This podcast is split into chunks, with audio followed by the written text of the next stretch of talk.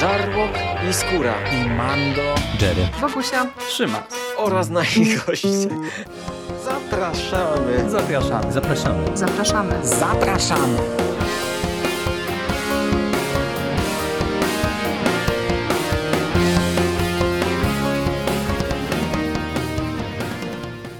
Witamy Was w kolejnym odcinku konglomeratu podcastowego. Z tej strony Michał Rakowicz, czyli Jerry. Jest ze mną e, Michał Ochnik, Michael z Mistycyzmu Popkulturowego. Witam Cię, Michale, bardzo serdecznie.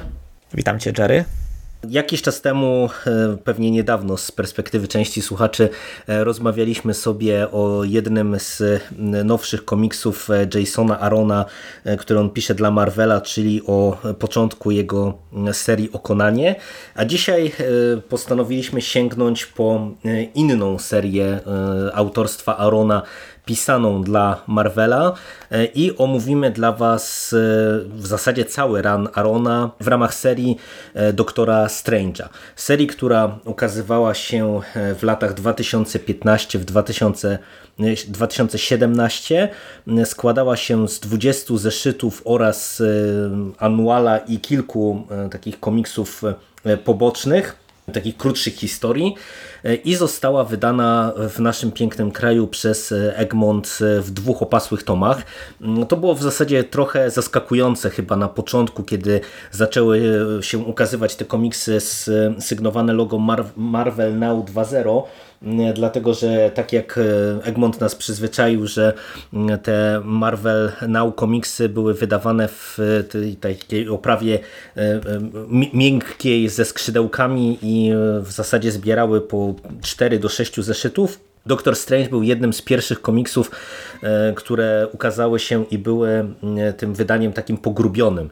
W pierwszym zeszycie dostaliśmy 10 zeszytów tej głównej serii. W pierwszym plus, tomie 10 zeszytów. Tak, w pierwszym tomie 10 zeszytów plus tam kilka dodatków i w drugim tomie drugie 10 zeszytów tego ranu oraz anual.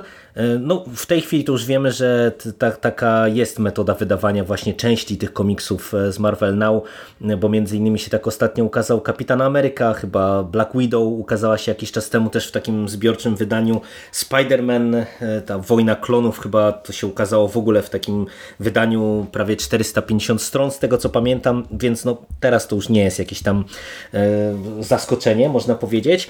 E, co ważne, jeżeli chodzi o ten run Jasona Arona, to u nas zostało to wydane w dwóch tomach, pomimo tego, że wydaje mi się, że akurat konstrukcyjnie to ten run jest dosyć wyraźnie podzielony na cztery ćwiartki, ale o tym sobie porozmawiamy już myślę, jak przejdziemy co nieco do fabuły. I w zasadzie to ja bym od razu chciał wskoczyć na głęboką wodę, bo rysunkami myślę, że to się zajmiemy trochę osobno, dlatego że tutaj podstawowym rysownikiem jest Chris Bacalo, który wydaje mi się, że jest bardzo istotną postacią. Ponownie, jak to często przy tych seriach prowadzonych przez Arona bywa, to, to, to on odgrywa naprawdę tutaj bardzo istotną rolę w ocenie całego tego komiksu, ale też rysowników jest dużo, bo to jest jedna z tych serii, gdzie tak naprawdę właśnie na gościnnych występach to mamy bardzo bardzo, bardzo dużą ilość rysowników, więc rysunki za chwilę. Scenariusz. Aaron zdecydował się na poprowadzenie doktora Strange'a tak jak on to czasem lubi w przypadku tych postaci, które dostaje od Marvela, czyli tak naprawdę wrzucając ich w sytuację kryzysową. Poznajemy doktora Strange'a w trakcie jakiejś tam jednej z jego akcji, gdzie pomaga małemu chłopcu i nagle okazuje się, że coś dziwnego zaczyna się dziać z magią. Tak naprawdę ta sprawa, którą on prowadzi, to jest tak, taki pierwszy zwiastun tego, że coś jest nie tak, że coś się z, z magią dzieje, że wygląda na to, jakby niektóre istoty magiczne, jakieś demony, czy, czy różnego rodzaju stwory i inkarnacje magii, jakby się przemieszczały, jakieś panuje poruszenie w tym świecie magii. I bardzo szybko okazuje się, że no, to nie, jest, nie dzieje się bez przyczyny.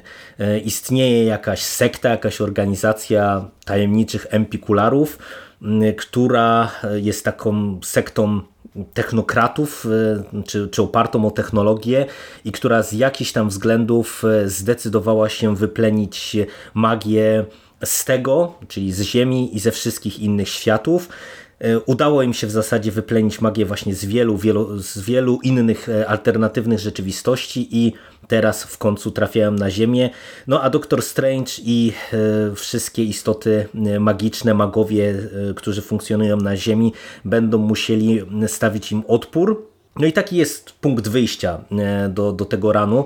Ja myślę, że my, e, tak jak wspomniałem, będziemy musieli przejść trochę spoilerowo przez e, poszczególne te segmenty, bo no, Aaron podzielił to dosyć wyraźnie właśnie na, na takie cztery podstawowe elementy, czy, czy no, jakieś tam fragmenty konstrukcji całej tej większej opowieści, całego tego swojego ranu. No i Michale, na początek, jak Ci się w ogóle podobał ten punkt wyjścia? No bo tak jak wspomniałem, to, to nie jest w sumie jakoś bardzo zaskakujące w przypadku Arona, bo on lubi tak pisać postaci właśnie, żeby one musiały się zmierzyć z jakimś wielkim zagrożeniem, musiały trochę wrócić do korzeni, tak żeby wydobyć na powierzchnię to, co jest takim sednem e, danej postaci. Jak Ci w tym przypadku tutaj zagrało? Jak Ci się podobał ten punkt wyjścia? Był ok. Rozwiniesz ten element? Znaczy wiesz, to jest, to jest Aaron i to Aaron na autopilocie. Wiesz, jak, jaki ja mam do niego stosunek. Ja go uważam, że on w swoich najlepszych momentach jest całkiem niezły, ale generalnie to jest człowiek, któremu całkowicie obca, obca jest koncepcja y, niuansów i subtelności. I to jest niestety taki komiks. To jest komiksowy odpowiednik uderzenia pięścią w twarz. I to, o co pytałeś, czyli y, ten punkt wyjścia, w którym właśnie głównego bohatera, to, jest, to już było przerabiane i to kilka razy, i to nawet mhm. z tym bohaterem na przestrzeni jego y, przygód, ponieważ ja swojego czasu no, całkiem lubiłem doktora Strange'a Pamiętam, że mo moim pierwszym y, doświadczeniem z tą postacią to był, był jego gościnny występ w kreskówce o Spider-Manie z lat 90. O, od razu mi się spodobał, bo był taki, taki trochę z, spoza superbohaterskiego kontekstu, bo tutaj mieliśmy superbohaterów, a tu nagle czarodziej. Y, I czytałem sporo komiksów z nim i szczerze to on w każdym komiksie, w każdym ciekawszym komiksie, który czytałem, to on jest y, właśnie tak rzucony w wrzucony w sytuację, w którą jego magia nie działa. Mhm. I dlatego no, z tej perspektywy to było już kilka razy przerabiane i Aaron wcale nie robi tego najlepiej, więc y, sam punkt wyjścia mi się podoba, ale podobałby mi się bardziej, gdyby to było moje pierwsze zetknięcie z tym komiksem, a nie, nie wiem, znaczy z tą postacią, a nie któreś już z kolei. A to widzisz, to kto wie, czy to nie jest właśnie kwestia perspektywy. Znaczy to jest też, w moim przypadku to jest kwestia tego, że Aaron to pisze po swojemu bardzo i mhm. no to wiesz, to mi trochę zgrzyta. Tutaj wspomniałem o tej perspektywie, bo dla mnie ten komiks to jest pierwsza styczność z komiksowym Doktorem Strange'em. Do tej pory, jeżeli on mi się gdzieś tam przewijał, to w zasadzie jako jakiś tam dodatek, element, postać na gościnnych występach, czy to, nie wiem, w Avengers, czy on tam się pojawia chociażby w All Wolverine, w różnego rodzaju innych komiksach tam drużynowych, ale mm, nie czytałem nic o te, nic takiego wiesz, solowego o tej postaci.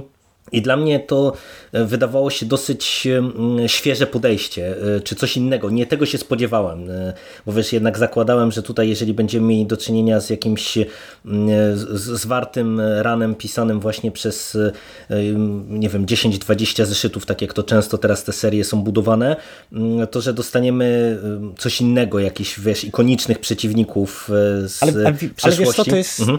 to jest trochę problem z samą postacią Strange'a, ponieważ on jest generalnie stosunkowo w stosunku do innych bohaterów tak potężną postacią generalnie, że jemu jest bardzo trudno napisać y, przekonywującego antagonistę. Bo wiesz, to jest strażnik tych sztuk mistycznych, on ma na swoim grzbiecie obronę y, całej, y, całego naszego wymiaru przed innymi zagrożeniami magicznymi z innych magicznych wymiarów i Dlatego jeśli już coś go atakuje, to jest takie naprawdę zagrożenie galaktyczne, takie wiesz, godne interwencji Avengers w innym wypadku. I jest coś takiego jak, nie wiem, y, koło fortuny Strange'a. Co dzisiaj dla niego wylosujemy? Y, czemu nie może być w Avengers? Bo ma jakieś ważne sprawy y, na planach astralnych, których nie widzimy i nie może im pomóc, ponieważ gdyby mógł pomóc, to rozwiązałby to jednym stryknięciem palców. Albo czemu pojawia się Strange w tej opowieści? Strange pojawia się, żeby dostać w mordę, i żeby szybko odpaść i żeby y, pokazać w ten sposób szybko i efektywnie, że zagrożenie jest naprawdę poważne, że nawet stręcz mu nie dał rady. I częściej go widzimy, jak go nie ma, znaczy częściej y, słyszymy o nim, jak go nie ma, a jak go widzimy, to dostaje w mordę, co trochę podkopuje jego pozycję jako tego super y, potężnego mistrza sztuk mistycznych, ale z drugiej strony, gdyby angażował się, wiesz, w takie normalne walki, to wtedy by pokazano by go raczej jako jako mniej potężną postać. To jest niestety y, ten paradoks Strange'a. On jest zbyt potężny, by y, wykorzystywać jego postać w konwencjonalny sposób. Więc zawsze jak się pojawia, no, nie, nie zawsze, prawie zawsze, y, to nie wiem, dostaje jakiegoś depowera, nie wiem, coś, wiesz, mhm. albo, albo zmieniały się zasady gry, że nie może używać mag całej swojej potencjału, potencjału swojej magii, albo w ogóle jest pozbawiony magii i musi polegać na swoich drugorzędnych umiejętnościach, albo jeszcze coś innego się dzieje i to jest niestety też case w tym komiksie, że zamiast nauczyć się jak poprawnie pisać bardzo potężną postać, a da się i to jest całkiem interesujące, e, to scenarzyści wolą go, no wolą traktować go tak jak mówiłem. I to, to trochę rozczarowuje. No tutaj e, ja e, jednak będę trochę w opozycji do ciebie o tyle, że wydaje mi się, że tu ten pomysł, który miał Aaron, to jakby się nie sprowadzał tylko i wyłącznie do mm, te, tego wątku jakby utraty E, tych możliwości magicznych i, i co za tym idzie sprowadzenie go do parteru, e, ale e, też tak naprawdę został ciekawie rozwinięty w kontekście mm, jakby ceny, którą Strange musi płacić za, za tą swoją potęgę.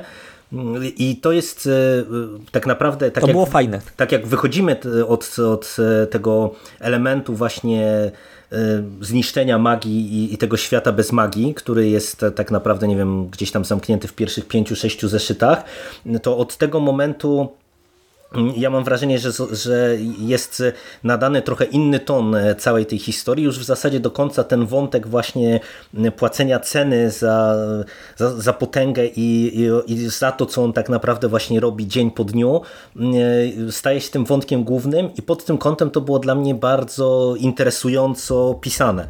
E, tym bardziej, że no wiesz, ja nie mam porównania, nie wiem na ile właśnie Strange jest tego rodzaju postacią, czy tak pisaną postacią standardowo, ale przecież kiedy my go tutaj poznajemy, to e, on się wydaje wręcz taką trochę e, postacią frywolną, nie, nieodpowiedzialną, czy nie do końca od, odpowiedzialną, nie do końca jakbykolwiek... Wręcz to... jest dupkiem.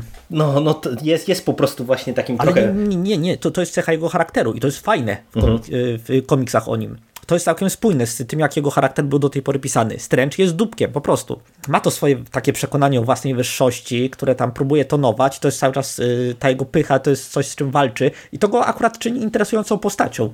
Bo wiesz, bo ja już się harcerzyków naoglądałem w, i w uniwersum Marvela, i poza nim.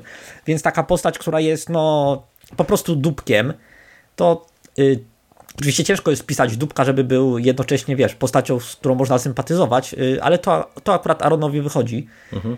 Y, ale no i umiejętnie zrobione, i tu jestem skłonny przyznać, że Aaron zrobił to umiejętnie, to jest, to działa. I to jest okej. Okay. Tym bardziej, że właśnie mówię, to my go e, z perspektywy na przykład, nie wiem, mnie jako nowego czytelnika e, komiksów o samym e, Doktorze Strange'u, to, to się też podobało, nie? że my go widzimy z jednej strony, gdzie on zażegnuje jakiś tam określony wielki konflikt, a z, drugim z drugiej strony jest po prostu takim trochę nieodpowiedzialnym bawidamkiem, i, I to też jest spójnie pisane przez cały komiks, nie? że w zasadzie to on e, cały czas e, z jednej strony właśnie pokazuje swoją potęgę, ale z drugiej strony mm, e, no, często podejmuje jakieś nieodpowiedzialne, szalone, wariackie decyzje, nie zapominając jeszcze o, pięknych kobietach w oku, czy pięknych demonach w oku, które, którym też raczej nie przepuści nomen omen, jak się nadarzy ku temu okazja. No ale y, tak patrząc na ten podział właśnie tej całej historii, no to ten pierwszy album, to pierwsze wydanie zbiorcze, gdzie mamy te pierwsze 10 zeszytów, y, to jest właśnie najpierw y, kwestia doprowadzenia do tego totalnego kryzysu i tego prawie że zaniknięcia magii na Ziemi i w drugiej części tego tomu pojawia się ten wątek właśnie prób walki z empikularami, resztkami magii, które Y, gdzieś tam udało się z ziemi y, wycisnąć z różnego rodzaju artefaktów i kulminacja w postaci walki Strange'a z tym szefem Empikularów z wykorzystaniem męki, Mr. Misery, jak chyba to było w oryginale, czyli takiej postaci zrodzonej e, z bólu e, doktora Strange'a, z jego e, cierpienia, ze wszystkich złych rzeczy. Postaci, która jakby stała się, no, można powiedzieć, w pewien sposób stworzona przez Strange'a właśnie jako skutek uboczny obcowania z tą magią, bo jak się dowiadujemy w którymś momencie E, tak naprawdę no, za każdą magię, nawet najmniejszą, e, trzeba płacić określoną cenę w różny sposób i, mamy to dosyć barwnie pokazane, jak to się odbija na życiu Strange'a poprzez chociażby, nie wiem, wątki wszystkie gastronomiczne, które w tym komiksie są dosyć istotne, e, ale właśnie dowiadujemy się w którymś momencie, że oprócz e, tych wszystkich rzeczy, które do tej pory widzieliśmy, no to Strange ma pewną tajemnicę e, i tak naprawdę za zwycięstwo z Empikularami, no kto wie, czy nie będzie trzeba zapłacić bardzo wysokiej ceny, no bo właśnie ta, ta tytułowa męka, ten stwór, jakiś potwór, demon mm, e, zostaje uwolniony na e, ziemię i zaczyna tak naprawdę stąpać sobie po ziemi i jak zostanie ten wątek rozwinięty, czy do czego doprowadzi właśnie uwolnienie męki e, i przy jednoczesnym takim osłabieniu tak naprawdę całej magii i pozycji doktora Strange'a, to jest rozwijane już w tym drugim tomie zbiorczym. Ale jeszcze właśnie zanim do niego, e, to czy uważasz, że jakby tutaj to mm, całe, cała ta sytuacja z, te, z tą sektą empikularów, czy to zostało w tym pierwszym tomie e, dobrze i jakoś tam interesująco spuentowane? No bo e, z jednej strony mamy doprowadzenie bardzo szybko do, do właśnie takiej sytuacji totalnego zagrożenia i, i apokalipsy, prawie że na, no nie na prawie, że no na, na skalę wszystkich uniwersów, by potem w zasadzie dosyć szybko Mm, ten element rozładować i popchnąć całą tę opowieść e, w tym ranie w nieco inną stronę. Czułeś się usatysfakcjonowany właśnie hmm. po tym finale? Ciężko mi powiedzieć, czy mnie usatysfakcjonował. Cały ten pierwszy tom, znaczy cała pisanina Arona, ale ten pierwszy tom w szczególności jest bardzo intensywny, jeśli chodzi o doznania, bardzo obfite w wydarzenia. I to wszystko następuje po sobie tak szybko i gwałtownie i yy, często w ogóle nie mam yy, Y, narracyjnej przestrzeni na zareagowanie na to, co się dzieje, przez co, gdy już przyszedł ten finał, to mam trochę takie, o, to już po wszystkim. I tak średnio byłem raczej y, tym usatysfakcjonowany. Znaczy, Mamy podane bardzo wyraźne konsekwencje tego, co się stało w finale pierwszego tomu, ale te konsekwencje nie są eksplorowane aż tak dobrze, jak ja bym chciał, żeby były. Mhm. I to właśnie to sprawia, że trudno mi jest, e, e, trudno jest mi, wiesz, odnieść się jakoś do tej sytuacji nowej. No to w sumie dotknąłeś też e, kwestii tego, co, co chciałem poruszyć, że w zasadzie to w tym tomie, tak jakby go skrócić, to się dzieje, te, czy to można skrócić czy, i, i streścić bardzo szybko, ale dzieje się właśnie przeokrutnie dużo, bo tak tak naprawdę my śledzimy właśnie jakieś te poszukiwania tych artefaktów, śledzimy różnego rodzaju narady e, z e, tymi magami, śledzimy na różnych planach akcje, jak to się rozwijało, cała ta inwazja empikularów na, na różne wszechświaty. No i tak jak mówisz, tak suma summarum jest to jakoś tam rozwijane, gdzie w zasadzie co zeszyt to, to dostajemy jakieś nowe, zaskakujące motywy, momenty i sam ten finał wydaje się dosyć pośpieszny. Ja się tutaj akurat z, z tym zgodzę. Przy czym właśnie przez to, co dostajemy w finale i cały ten wątek męki, który dalej będzie rozwijany, mnie to osobiście kupiło i podobało mi się. I teraz tak, bo chciałbym przejść do tego drugiego tomu, gdzie będziemy musieli trochę spoilerować właśnie to, co się zadziało w tomie pierwszym. I e, zanim do tego, e, to ten pierwszy tom ma trzy dodatkowe historie krótkie, które skupiałem się na e, magach, e, którzy, w których my w pewnym momencie widzimy e, w określonej sytuacji, no i tak naprawdę widzimy, co doprowadziło, że oni się znaleźli w tym momencie, w którym się znaleźli jak ich drogi przecięły się z drogą Strange'a. Mamy historię o doktorze Voodoo, o Mahatmie Dumie i o tam kilku jeszcze postaciach, kilku magach Jak Ci się te historie podobały jako właśnie takie dodatkowe mm, smaczki do całej tej opowieści? Tym bardziej, że one wizualnie są zupełnie też oddzielone od tego komiksu i stanowią no, takie krótkie właśnie jakieś tam historyjki łączące się z główną osią fabularną. Potrzebne, satysfakcjonujące, interesujące, czy, czy do zapomnienia? Dla mnie do zapomnienia, bo te historie jakoś, one y, jakoś niespecjalnie komplementowały historię, z tego co mi się wydaje.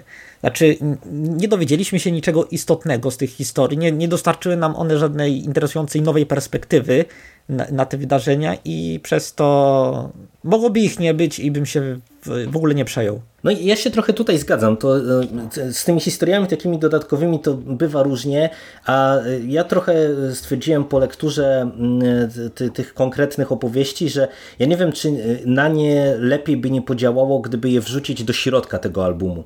No bo w zasadzie my widzimy je na samym końcu, kiedy tak naprawdę, no tak jak wspomniałem, widzimy te postaci później w którymś momencie całej tej wielkiej intrygi, w środku tak naprawdę całej tej wielkiej intrygi, bo, bo one, ta, ta historia nam gdzieś tam po prostu wymazuje białe plamy z całej tej opowieści, ale no, kiedy my już znamy rozwiązanie całej tej historii, kiedy widzimy do czego już tutaj doszło z perspektywy finału całej tej inwazji Empikularów, no to ja mam wrażenie, że one trochę nie działają, bo one gdyby były w środku, to wiesz, byłoby widać, że ta moc tych empikularów jest naprawdę bardzo, bardzo potężna, czy byłoby to jeszcze dodatkowo podbudowane, o tak bym powiedział może, no bo to w sumie to dało się odczuć, że, że to są bardzo potężne istoty. Ale tutaj w zasadzie te krótkie historyjki by nam to jeszcze tylko gdzieś tam mogły podbić. No a także jak je dostajemy już jako na koniec i, i, wiemy tak naprawdę jaka jest puenta całej tej historii, no to mam wrażenie, że to po prostu nie do końca wybrzmiewa tak jakby twórcy sobie tego pewnie życzyli. życzyli. A nie wiem jak one były wydawane. Zakładam, że właśnie one pewnie gdzieś tam były mm, serwowane pomiędzy tymi zeszytami e, głównej opowieści na przykład i, i to pewnie ta, tak podawane wydaje mi się, bo mogło trochę lepiej zagrać. Ja nie mam nic do dodania, jak to mówi jeden podcaster. No to przejdźmy do tomu drugiego. A chyba jeszcze nie wspomnieliśmy o bibliotekarce, a to jest dość, to chyba jest dość istotny dodatek y, do narracji. Jest istotny, ale wiesz co, nie wspomnieliśmy o niej, dlatego że ja chciałem ją wyciągnąć trochę na pierwszy plan e, w przypadku tego drugiego tomu, bo ona wraz z Męką e, no, staje się jedną z wiodących postaci już w tym, e, w tym konkretnym albumie, ale to, to od razu przejdźmy w tym układzie płynnie do niej, bo ona nam to ładnie połączy. Mamy bibliotekarkę Zelmę, która się pojawia u Strange'a na początku całej opowieści z pewną dolegliwością magiczną. No i tak naprawdę Strange jej pomaga, ale no ona w ten czy w inny sposób staje się częścią te, tych, tych głównych wydarzeń. I o ile w tym pierwszym tomie ona jest w tle, o tyle właśnie już w tym drugim tomie, jako taka e, pomocnica e, dla Strange'a, oprócz Wonga, który no, cały czas jest bardzo istotną postacią, no okazuje się odgrywać w zasadzie pierwsze skrzypce, bo mówię, ona odegrała rolę w pokonaniu Empikularów e, razem z Wongiem, ale tutaj właśnie ta dwójka, przez to, że już mamy to, to wielkie zagrożenie wygaszone i tylko zaczynamy widzieć Strange'a borykającego się z konsekwencjami, czyli z tym osłabieniem magii, bo to, to, to jest istotne, że tak naprawdę punkt wyjścia tego drugiego wydania zbiorczego jest taki, że z jednej strony męka, czyli te, te, ten stwór został uwolniony i kroczy gdzieś tam sobie na wolności, z drugiej strony mm, świat y, jest podatny na ataki właśnie różnego rodzaju istot magicznych, no bo po prostu magia nie wróciła do, do normy, do takiego normalnego poziomu. Strange mm, jest y, postacią, która ma mocno ograniczoną moc, i tak naprawdę no, przyjdzie mu za to w pewien sposób zapłacić, bo e, tak jak wspomniałem, że tutaj Aaron sobie to dzieli na takie ćwiartki, no to w zasadzie cała pierwsza e, część e, tego albumu drugiego, tego drugiego wydania zbiorczego to jest taka specyficzna antologia. No i, i, i, widzimy właśnie, kiedy e, Strange e, często, często wespół z Wongiem i z Zelmą, którzy już stają się tutaj pełnoprawnymi e, wspomagierami działalności Strange'a, no będą się musieli borykać co zeszyt to z jakimś przeciwnikiem, który po, postanawia zaatakować Strange'a, korzystając z tego, że jest on osłabiony. No i tak jak mówiliśmy o Konanie, o Darona, to w zasadzie pierwsza część tego albumu to jest trochę taka antologia, gdzie są różne postaci z przeszłości Strange'a, różni przeciwnicy, z którymi on się borykał, są wyciągani na, na pierwszy plan i w zasadzie każdy zeszyt, czy tam nie wiem, połówka zeszytu często nawet, to, to jest jakaś tam mała historia z jakąś postacią w roli głównej. No i powiedz mi, jak po tej takiej spójnej, mimo wszystko opowieści, takim prowadzeniu akcji y, rozpisanej na większą całość, na te 10 zeszytów.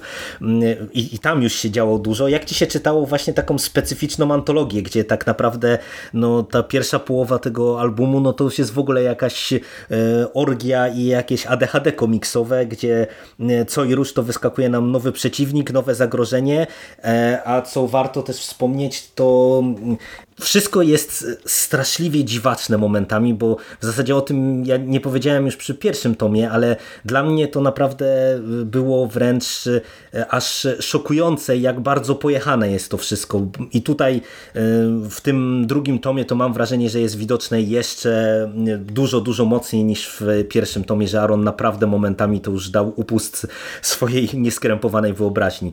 Jak Ci się takie podejście spodobało i takie rozwinięcie całej tej historii? Chcesz wiedzieć, jak mi się spodobało? No jasne. No to czekaj, to już ci mówię, jak mi się spodobało, tylko wy, wyłamię palce w ten, ten sposób, w jaki się człowiek zwykle przygotowuje do bitwy na pięści.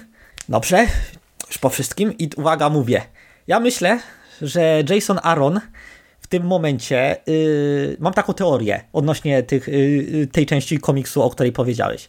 Mam taką teorię, że Jason Aaron zobaczył, że Marvel kupuje to, co on yy, tworzy że w ogóle ma już tak mocną pozycję y, w Marvelu, bo w tamtym czasie, w którym on pisał tego Strange'a, to on pisał jeszcze Thor i w ogóle y, był ważnym filarem y, tego uniwersum, jeśli chodzi o scenarzystów. I on chciał przetestować na wydawcy, ile, na ile może sobie pozwolić, jak, no, jak nonsensowną narrację może wprowadzić, zanim zwrócą mu uwagę, żeby przystopował.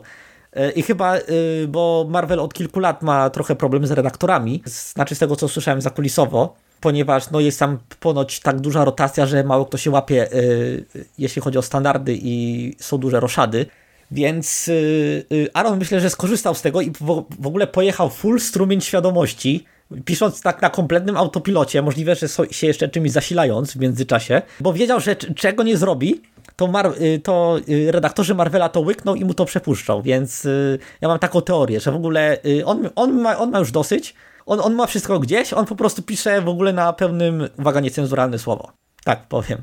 I y, takie ja odniosłem wrażenie z lektury tych, y, właśnie tego segmentu, tego, tej pierwszej części drugiego tomu. No to może tak być, bo naprawdę no, mamy tutaj dzikie szaleństwa, no dla mnie takim najbardziej wariackim, ale w takim pozytywnym... Czy, czy, mhm. Przepraszam, że ci przerwę, ale powiem ci, że y, ja mam tę teorię, y, to nie jest precedens, gdyby ta, gdyby ta teoria się sprawdziła, bo Warren Ellis gdy pisał miniserię o, y, dla imprintu Ultimate, mhm. to, y, to te, też Marvel dał mu, te, też chyba mówił później w wywiadach, że Marvel dał mu tak wolną rękę, że on po prostu siedział i pisał strumień świadomości. Nawet nie redagował tego, nie przetwarzał i tam zrobił miniserię, w której dzieją się dziwaczne rzeczy i, i Marvel mu to puścił. Więc y, to nie jest bezprecedensowe. Ja myślę właśnie, że Aaron tutaj pop popłynął, bo mógł popłynąć. Czuł, że mógł popłynąć, dobrze czuł i w ogóle się nie przejmował tym, co robi. Ale y, no ja ci powiem, że ja naprawdę kupiłem to po całości, bo tak mi się, y, mówiąc kolokwialnie, gęba śmiała przy czytaniu tego komiksu, y, że no aż naprawdę no było to niewiarygodne, że właśnie takie rzeczy się dzieją w sumie w mainstreamowym komiksie, bo tutaj, żeby dać taki minimalny posmak tego, z czym mamy tutaj do czynienia, no to moją ulubioną historią z tych wszystkich jest motyw z sataną, która która sprowadza e, Strange'a do piekła, do jakiejś piekielnej restauracji, żeby e, stał się taką, takim celebrytą, e, który będzie przyciągał różnego rodzaju demony i potwory do restauracji i ta satana karmi Strange'a piekielnym boczkiem i mamy tutaj jakiegoś astralnego, nagiego Strange'a, który walczy w żołądku z opętanym piekielnym boczkiem. Jakkolwiek po prostu absurdalnie by to nie brzmiało, to, to po prostu tak, no to, to jest coś takiego, co się dzieje w tym komiksie i to nie jest y, chyba nawet najbardziej szalona rzecz, jaką tutaj dostajemy, więc to, to daje niezły obraz tego, co tu się wyrabia w tych pięciu, sześciu zeszytach pierwszych właśnie, gdzie skaczemy mm, po tych różnych ikonicznych przeciwnikach Strange'a. Ty masz jakiś ulubiony właśnie motyw z tych wariackich rzeczy, które nam tu Aaron zaserwował? Nie, nie, szczerze, szczerze mówiąc ja y, poszedłem śladami y, Arona i po prostu to chłonąłem. Po prostu to przeze mnie przelatywało wszystko, wiesz, gdy, gdy to czytałem. Aha, a okej, okay, tutaj nie wiem, tu mamy gość, a nie, to, to za chwilę będzie. Y, gość, który odciął sobie głowę, amputował sobie głowę i przeszył sobie ok, gigantyczne oko do szyi. tak, tak, tak. Ten, znaczy, no właśnie to jest ten level. Ja, wiesz co? ja w pewien pokrętny sposób ja to szanuję. No. Naprawdę, żeby, żeby, żeby w ogóle mieć taki ten, taki flow, i żeby to uszło ci na sucho. E, wiesz, w Marvelu, a Marvel po, już w ogóle po wykupieniu y, przez Disneya, to oni naprawdę mocno ścieli i idą mocno na integralność marki, więc tym bardziej y, podziw, że w ogóle Aaron napisał, nie wiem, 100 stron czystego nonsensu i to przepchnął. Mhm i dostał za to pieniądze od Marvela. No a, a, tutaj tak naprawdę ten tom jest o tyle specyficzny, że tak jak powiedzieliśmy, że dużo się działo w, tym, e, w tej pierwszej odsłonie, to tutaj w tej pierwszej ćwiartce, no to tak jak mówisz, no to w zasadzie Aaron się puścił peronu i, i jedzie po bandzie dokumentnie, a z kolei e, druga część e, te, tego drugiego wydania zbiorczego jest dużo bardziej stonowana, dużo bardziej poważna. Nie to, żeby się tam mniej działo i mniej wariackich rzeczy, ale y, skupiamy się na całym wątku męki i tego, jak y, ten demon, który no, w tej chwili już chodząc trochę po świecie też decyduje się na to, żeby y, zemścić się na Strange'u za, za to, że został stworzony tak naprawdę i za to kim jest i mamy rozpisane na, na kilka zeszytów właśnie y, walkę Strange'a z y, Mr. Misery i teraz e, po tych wszystkich wariac wariactwach, które wcześniej dostaliśmy, e, jak Ci się właśnie ten wątek podobał? Bo ja sygnalizowałem na początku, że dla mnie to jest w ogóle chyba najciekawszy element całego tego ranu, że właśnie mamy mm, postać, e, która powstała jako skutek uboczny używania magii i, i to starcie Strange'a, te, tego właśnie egocentryka, takiego dupka, jak, jak, tak jak słusznie powiedziałeś, nagle z konsekwencjami swoich działań, gdzie my wielokrotnie w trakcie czytania tego komiksu widzimy, że on niespecjalnie jakby konsekwencje w ogóle bierze pod uwagę często i, i robi to, co akurat e, uznaje za stosowne, to, co akurat w danym momencie uważa za rozwiązanie sytuacji, no o konsekwencjach myśląc często później, czy post factum i, i właśnie będąc zmuszonym do tego, żeby z nimi później walczyć. Jak Ci się ten segment podobał? Tym bardziej, że w kontekście właśnie tej, tego takiego spójności marki, no to tutaj mamy e, jeden z e, gościnnych występów, czy jedyny z gościnnych występów takich istotniejszych, bo e, pojawia się właśnie w jednym zeszycie potężna Thor, która współpracuje z doktorem Strange'em w trakcie operacji, co też w ogóle ten zeszyt to było dla mnie tak odpałowa rzecz, że ojejku. Jak Ci się to właśnie wszystko czytało. E, szczerze ty mówisz, że on jest znacznie bardziej stonowany, ja bym się troszkę jednak nie zgodził. On, to, wiesz, Aaron troszkę docisnął pedał gazu, znaczy troszkę docisnął y, hamulec, przepraszam. Ale nie, nie wydaje mi się, żeby to była naprawdę znacząca różnica. Znaczy, to trochę widać, że on już y, łata te rzeczy, które rozgrzebał w y, poprzednich numerach, żeby jakoś zamknąć ten swój run y, w taki mniej więcej elegancki sposób i tak chyba mu się nawet udało. I to tylko myślę dlatego y, ten y, segment, ta ostatnia ćwiartka ma taką bardziej skupioną y, i skoncentrowaną linię fabularną. Ale szczerze, to jak, jak już wspominałem o tym gościu, który ma odciętą głowę, jak myślę sobie o tych wszystkich rzeczach, które Aaron tam pisze, to nie wydaje mi się, żeby to było jakoś specjalnie bardziej stonowane. No, w, w, zasadzie te, sobie przypomniałem całą tą kwestię współpracy z potężną Tor przy operacjach, wielu operacjach mózgu jednocześnie, to, to tak, to faktycznie to może nie, nie było najlepsze określenie, że to jest jakoś tam stonowane. Ale no wydaje mi się, że... Chyba, że tam się pojawił jakiś redaktor, jeśli moja teoria jest słuszna, to może się tam w połowie pojawił jakiś redaktor i powiedział mu, żeby on to trochę, żeby się pohamował i dlatego za, zaczął tam pisać bardziej spójną opowieść. No ale tutaj e, wychodzi na pierwszy plan właśnie już ta walka z Męką, e, pojawia się wątek opętania Łąga e, przez Mękę, no i wychodzi na pierwszy plan też Zelma, o której ty wspomniałeś. To, to jakbyś opowiedział trochę, jak ci się spodobała ta postać, no bo to jest chyba jedna z tych postaci, które zostały wykreowane autorsko przez Arona właśnie na potrzeby tego ranu, tego komiksu. Jak Ci się podobało, jak ona została właśnie poprowadzona, napisana i, i, i do, do czego ta jej historia suma summarum doprowadziła? Zelma to jest, jed, to jest jedna z bardzo długich z bardzo długiego łańcucha towarzyszek doktora. Mhm. Tak jak doktor Humat, wiesz, towarzyszki zwykle młode kobiety, które tam dołączają do niego i żebyśmy z ich perspektywy oglądali te przygody w serialu Doctor Who, tak Doctor Strange też ma te swoje asystentki i tam najpierw była Clea, potem było jeszcze kilka innych, potem była Casey, Casey tak jakby zginęła i teraz pojawiała się Zelma i szczerze mówiąc dla mnie to jest tak jakby trochę jedna postać, tylko każdy scenarzysta wymyśla sobie własną wersję.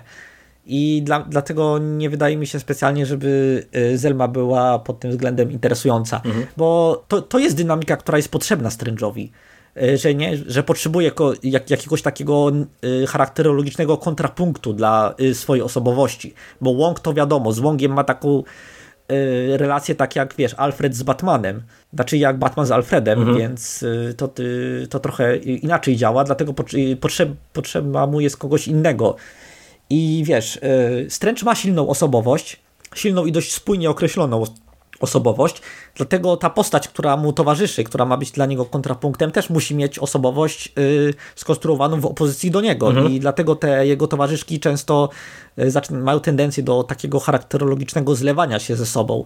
Y, Zelma jest trochę bardziej nieśmiała niż większość z tych z jej poprzedniczek, co odrobinę wyróżnia, ale no to dla mnie to jest jednak też trochę, wiesz, odbitka. Mhm. Jak tobie się podobało? Bo ty jesteś y, nowym odbiorcą Strange'a i to jest dla ciebie pierwszy. Tak, tak. No, y, pierwsza ten. Jest to dla mnie to była ciekawa postać y, właśnie raz przez to stonowanie, dwa, że mm, tutaj w zasadzie no, od początku my mamy do czynienia z naprawdę dużym szaleństwem takim fabularnym i wizualnym i z tej perspektywy to Zelma jest też jakby ciekawą postacią, że ona jest takim trochę przedłużeniem czytelnika, nie? gdzie ona na bieżąco też się spotyka z tymi różnymi dziwactwami, co już się zaczyna od e, mm, spaceru po Sanctum Sanctorum, gdzie e, co i rusz ona widzi jakieś przedziwne rzeczy, dowiaduje się, że tych drzwi lepiej nie otwierać, że do lodówki to lepiej nie zaglądać, a e, makaronu doktora Strange'a to w ogóle nie tykać nawet napalmem.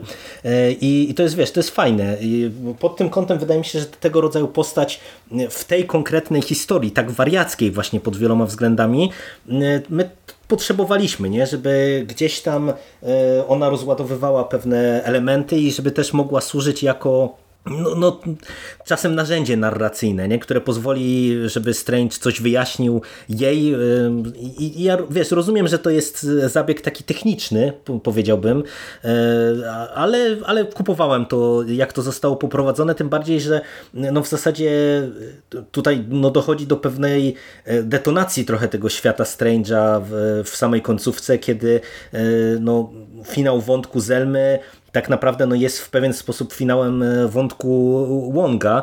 E, ja jestem bardzo ciekaw, jak to zostało dalej poprowadzone, no bo na ten moment no, nie zanosi się, żebyśmy my te E, zeszyty w najbliższej przyszłości kolejne dostali, no bo to, to jest tak, że tu mamy Ran Arona, e, te 20 e, zeszytów, ale z tego co ja czytałem, to kolejne tam cztery chyba w ramach tej serii to były, było Secret Wars. Nie wiem, czy to jest planowane do wydania w ogóle, no bo Secret Wars zaraz w zasadzie nam ruszy, ale tu, tu na ten moment nie wiem, czy, czy po prostu te konkretne zeszyty się pojawią, czy nie.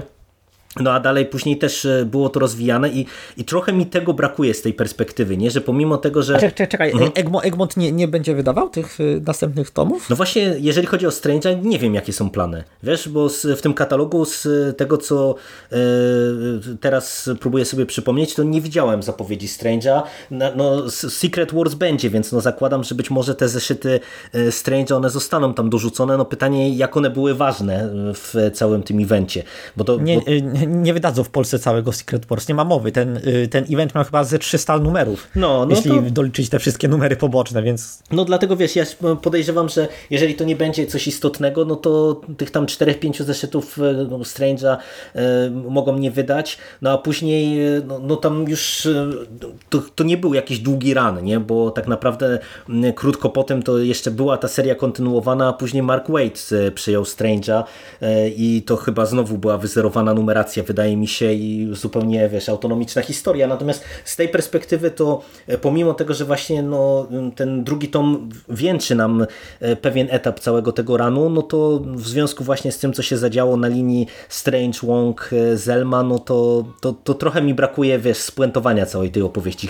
Bardzo jestem ciekaw, jak to zostało poprowadzone, no i jeżeli Egmont nam tego nie zaserwuje, to pewnie w którymś momencie sięgnę po prostu po oryginał i, i się dowiem w ten sposób, jak to, jak to zostało sfinalizowane. No, miejmy nadzieję, że jednak nam zaserwuje. No ale Zobaczymy.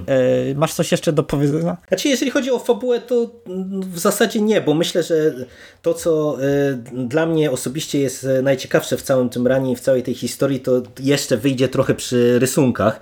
Yy, I nie wiem, masz jeszcze coś do dodania właśnie w kontekście fabuły, czy przejdziemy do rysunków? Nie, myślę, że ja już powiedziałem wszystko, co miałem do powiedzenia o tym komiksie. Znaczy, jeśli chodzi o scenariusz. I teraz powiem Ci tak, ja bym się skupił na tym głównym rysowniku, czyli Chrisie Bacalo, bo no, mamy tutaj naprawdę też potężną e, ilość rysowników w tych różnych historiach i e, w zasadzie no, większość tych dodatkowych rysowników jest e, w porządku, ale nie zachwyca. Tam tak naprawdę poza jednym zeszytem, który się bardzo mocno wybija wizualnie, to w ogóle wydaje mi się, że te, ci pozostali rysownicy tak w miarę spójnie rysują po prostu te różnego rodzaju historie poboczne, które dostają. Natomiast Chris Bacalo, ja wspomniałem o tym, że to jest kolejny przykład na rysownika, który E, perfekcyjnie zgrał się z Aaronem e, na, na linii scenarzysta, rysownik, który ma przenieść wizję scenarzysty na papier, e, no bo po potężnej tor, pokonanie, o których żeśmy sobie rozmawiali, to co Bacalo tutaj wyrabia od strony wizualnej, to jest dla mnie naprawdę czapki z głów, bo mamy tutaj przecież co i rusz do, zilustro, do zilustrowania przenikanie się tego świata astralnego ze światem realnym, e, kompletnie jakieś odpałowe stwory, demony, e, jakieś, nie wiem, wariackie pogonie, ucieczki, e, bardzo dużo jakiegoś takiego body horroru, bo przecież tutaj, no, a propos tego, co ty wspomniałeś, że Aaron naprawdę momentami to się puszcza peronu, to przecież tutaj ja byłem też często w szoku, że, że takie rzeczy przychodziły, no bo po prostu tu autentycznie niektóre zeszyty to się czytało jak taki naprawdę naprawdę solidny e, horror, właśnie głównie z body horrorem w roli głównej. I Bacalo robi tu, wydaje mi się, absolutnie niesamowitą robotę. Jak Ci się podobały te rysunki i, i czy się zgodzisz ze mną, że, że właśnie tutaj e, świetnie on wpasował i, i świetnie współpracował z Aaronem przy całej tej historii? Bacalo miał niesamowite szczęście, że dostał y, mądrych y, kolorystów mm -hmm, to też w tym komiksie. Ponieważ on, on, on, ma powera w łapie i generalnie jak on coś zilustruje, to jest naprawdę godne uwagi, ale y, wyobraź sobie, co by było, gdyby, nie, nie, gdyby dostał mniej, no, mniej doświadczonych kolorystów, którzy próbowaliby to wszystko kolorować, tak wiesz, każdy element, nadać każdemu elementowi kolor, ponieważ to by się wszystko zlało w taką mhm. barwną plamę Tutaj uda, udało się to stonować w ten sposób, że na przykład niektóre elementy nie są kolorowane, czasami tło nie jest kolorowane, czasami y, wszystko jest utopione w jednej e, palecie kolorystycznej, z, z, tylko z odcieniami. I to jest super, bo y, kolory powinny kom, komplementować kreskę. I tak jest w tym przypadku. Tutaj kreska jest bardzo szczegółowa, y, ma bardzo dużo y, detali i zamiast przytłoczyć te detale jeszcze do, dodatkowymi informacjami, czyli barwami, tutaj te barwy też to robią trochę swoją robotę obok. Y, dyskretnie tak przekierowując oko czytelnika na te elementy, na które powinien zwracać uwagę, a resztę tak zostawiać trochę bardziej niedopełnioną i to jest super. Mhm. Ja się w pełni pod tym podpisuję. Tym bardziej, że tutaj też w kontekście tych e, zagrywek takich kolorystycznych, e, to ja mam wrażenie, że też się udało E, Bacalo to dobrze poprowadzić tak od strony wizualnej, bo e, tutaj mamy, nie wiem, często jakieś przycinające się kadry, jak mamy, nie wiem, ten taki pościg ślimaków na przykład za e, Strange'em, to, to, to po prostu one przełażą dosyć dowolnie, że się tak wyrażę, przez kadry i różnego rodzaju te sekwencje takie bardzo dynamiczne, które my tutaj dostajemy, no one są po prostu dobrze rozrysowane, rozrysowywane, tam gdzie potrzebujemy, nie wiem, szeroki kadr na, na całą stronę na przykład, żeby coś podkreślić, czy żeby spuentować na przykład, nie wiem, jakiś dany zeszyt, to to dostajemy. Jeżeli mamy właśnie jakąś, nie wiem, bijatykę, walkę, czy cokolwiek takiego i, i potrzeba tutaj pokazać dynamikę, to, to te kadry y, są właśnie porozrzucane tak, jak akurat to jest rysownikowi i, i scenarzyście potrzebne.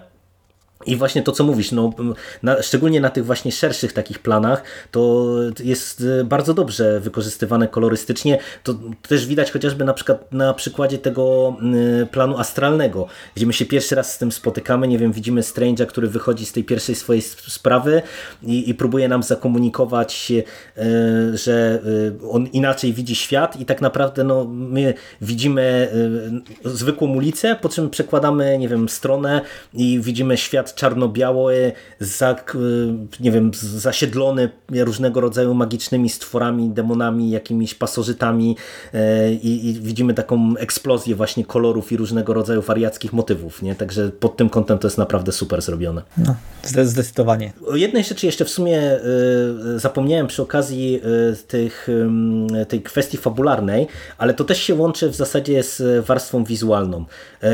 Tutaj Strange jest w zasadzie narratorem e, tego komiksu i e, dosyć istotną rolę odgrywa jego taka jakaś wewnętrzna e, narracja, którą my tutaj śledzimy, co często też jest właśnie podkreślane rysunkami, gdzie my nie widzimy dymków, tylko widzimy narrację Strange'a, jak on z czymś się tam boryka. To by się takie w ogóle podejście, taki zabieg formalny spodobał? Wydaje Ci się, że to, to była dobra zagrywka z punktu widzenia czytelnika? Sam zabieg nie jest ani dobry, ani zły, zależy jak się go wykorzysta bo widziałem jak tego typu, nie, taka silna, yy, silne wykorzystywanie narracji pierwszoosobowej yy, w komiksie to czasami potrafi być pretensjonalne, albo czasami potrafi dostarczać informacji, którą i tak dostarczają nam rysunki, więc jest niepotrzebne. Tutaj generalnie dostaliśmy tak yy, ekspozycję y, charakteru Strange'a, y, wiesz, momentami, ale rzadko, momentami to odrobinę mnie to męczyło, ale yy, wyszło to w tym konkretnym przypadku. No mi się też ten zabieg podobał, bo mm, on w sumie często rozładowuje też humorem pewne sytuacje i, i to, to było fajne, że przy, tym, przy tych wszystkich szaleństwach, które tutaj dostajemy, yy, momentami to tonowało właśnie różnego rodzaju yy, te szalone motywy, a, a momentami właśnie, nie wiem, było, stanowiło kontrapunkt, który, nie wiem, był takim jakimś comic reliefem na przykład.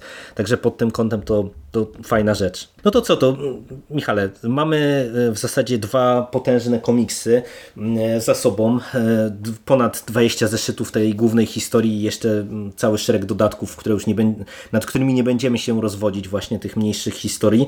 Jak oceniasz całościowo ten run Arona? Warto po niego sięgnąć, właśnie nie wiem, ty masz szerszy trochę przegląd komiksów o tej postaci. Uważasz, że na przykład dla nowego czytelnika to jest, to jest dobra historia, no bo to nie ma co się czarować. Egmont na pewno sięgnął po Strange'a na fali filmu. No i teraz, czy, czy na przykład wydaje Ci się, że to też był dobry ruch, żeby akurat pod ten konkretny run sięgnąć, jeżeli chodzi o Strange'a? Patrząc na przykład w zestawieniu do filmu, no bo ja mam wrażenie, że jednak ten filmowy Strange to nie jest ten Strange, którego tutaj widzimy u, u Arona. Jak oceniasz całą no Właśnie też podejrzewam, że, pod, no podejrzewam, że osoby, które y, na fali y, y, hype'u filmem sięgnęły po ten komiks, to mogły mieć pewien niemały dysonans, bo film nie jest nawet w jednej dziesiątej tak bardzo surrealistyczny jak komiks. E, czy to jest dobra historia na początek? Mimo wszystko powiedziałbym, że jednak tak. Wie, wiesz, to jest Aaron, Ar ja Arona y, polecam rzadko, a jeśli już polecam, to najczęściej niechętnie. Wyjątkiem jest y, no, jeden komiks, o którym mówiliśmy wcześniej y, w poprzednim podcaście, mhm. w jednym z poprzednich naszych podcastów, ale generalnie to nie jest mój ulubiony scenarzysta. I ten komiks jest tak rażąco mało subtelny, że yy, znaczy, jeśli ktoś strasznie jest napalony na Strange'a, konkretnie na Strange'a, to myślę, że spokojnie może od tego zacząć. Ale jeśli ktoś po prostu szuka jakiejś fajniejszej, niezobowiązującej rozrywki, komiksowo-superbohaterskiej, no to są na naszym rynku znacznie lepsze opcje, więc tu masz, masz tu moje y, 300 złotego. No i ja e, ze swojej perspektywy to powiem tak, że jeżeli ktoś, tak jak wspomniałeś, sięgnie po Strange'a tylko e, zainteresowany filmem albo żeby sprawdzić postać, to może się odbić, bo ten komiks jest naprawdę e, no wariactwem totalnym. Ja co, co, co zeszyt prawie to przecierałem oczy ze zdumienia, że w mainstreamowym komiksie mamy tego rodzaju właśnie szaleństwa i, i dziwactwa, ale y, kupiła mnie ta historia po całości. Ja się bawiłem wyśmienicie i tak jak ty wspomniałeś, że mamy sporo różnego rodzaju rozrywkowych y, komiksów na naszym rynku, i to prawda, bo no, w tej chwili, pomimo tego, że trochę ten cykl wydawniczy nam zwolnił przez pandemię, e, to i tak no, mamy przez te ostatnie lata e, przebogatą ofertę, ale ja ci powiem, że w kontekście tych takich rozrywkowych komiksów, stricte rozrywkowych, właśnie marvelowskiej papki, e, to ja jednak wysoko oceniam na, na przykładzie tych różnych rzeczy, które czytałem ten, ten, tego konkretnego Strange'a, bo jest wariacki, jest szalony, jest zabawny, jest momentami e, obrzydliwy, e, no i po prostu jest naprawdę tak, takim czymś zupełnie innym. No czegoś takiego ja mam wrażenie, że w mainstreamie często nie widzimy e, i, i właśnie to, że to Aaron dostał, który no, nie jest, tak jak wspomniałeś, najsubtelniejszym scenarzystą, ale też potrafi właśnie się bawić tymi różnymi wariactwami i mimo wszystko gdzieś tam to, to w ryzach trzymać, to, to wydaje mi się, że to jest po prostu naprawdę bardzo dobra seria, a z racji na to, że jest zamknięta w dwóch tomach, no to ja tego rodzaju rzeczy też tym chętniej polecam, no bo to wiesz, to nie jest jakaś y, ogromna seria na, na 5 czy 6 tomów, tak jak to nieraz bywa, no bo to Egmont też takie historie serwował, gdzie już nie wiem, zaangażowanie się w opowieść to już jest inwestycja i pieniężna i czasowa na długie tygodnie nieraz. Tutaj mamy dwa tomy skondensowane, wariackie, także no ode mnie duże, duże brawa, także ja polecam od siebie mocno. A ja powiem, że nie, nie jest to najgorszy komiks Arona, jaki czytałem. I to to wszystko, co ode mnie wyciągniesz na ten temat. No dobra, to e, nie będziemy przedłużać. Dzięki Ci za e, kolejną rozmowę. E, mam nadzieję, że znowu wkrótce powrócimy z jakimś komiksowym albo niekomiksowym tematem do Was. A za tę dyskusję o Strange'u dzięki Ci bardzo. Nie ma sprawy, ja Tobie również dziękuję. I do usłyszenia w przyszłości. Cześć. Cześć, cześć.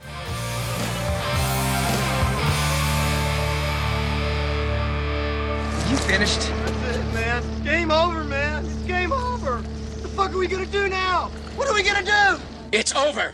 Nothing is over! Nothing! You just don't turn it off!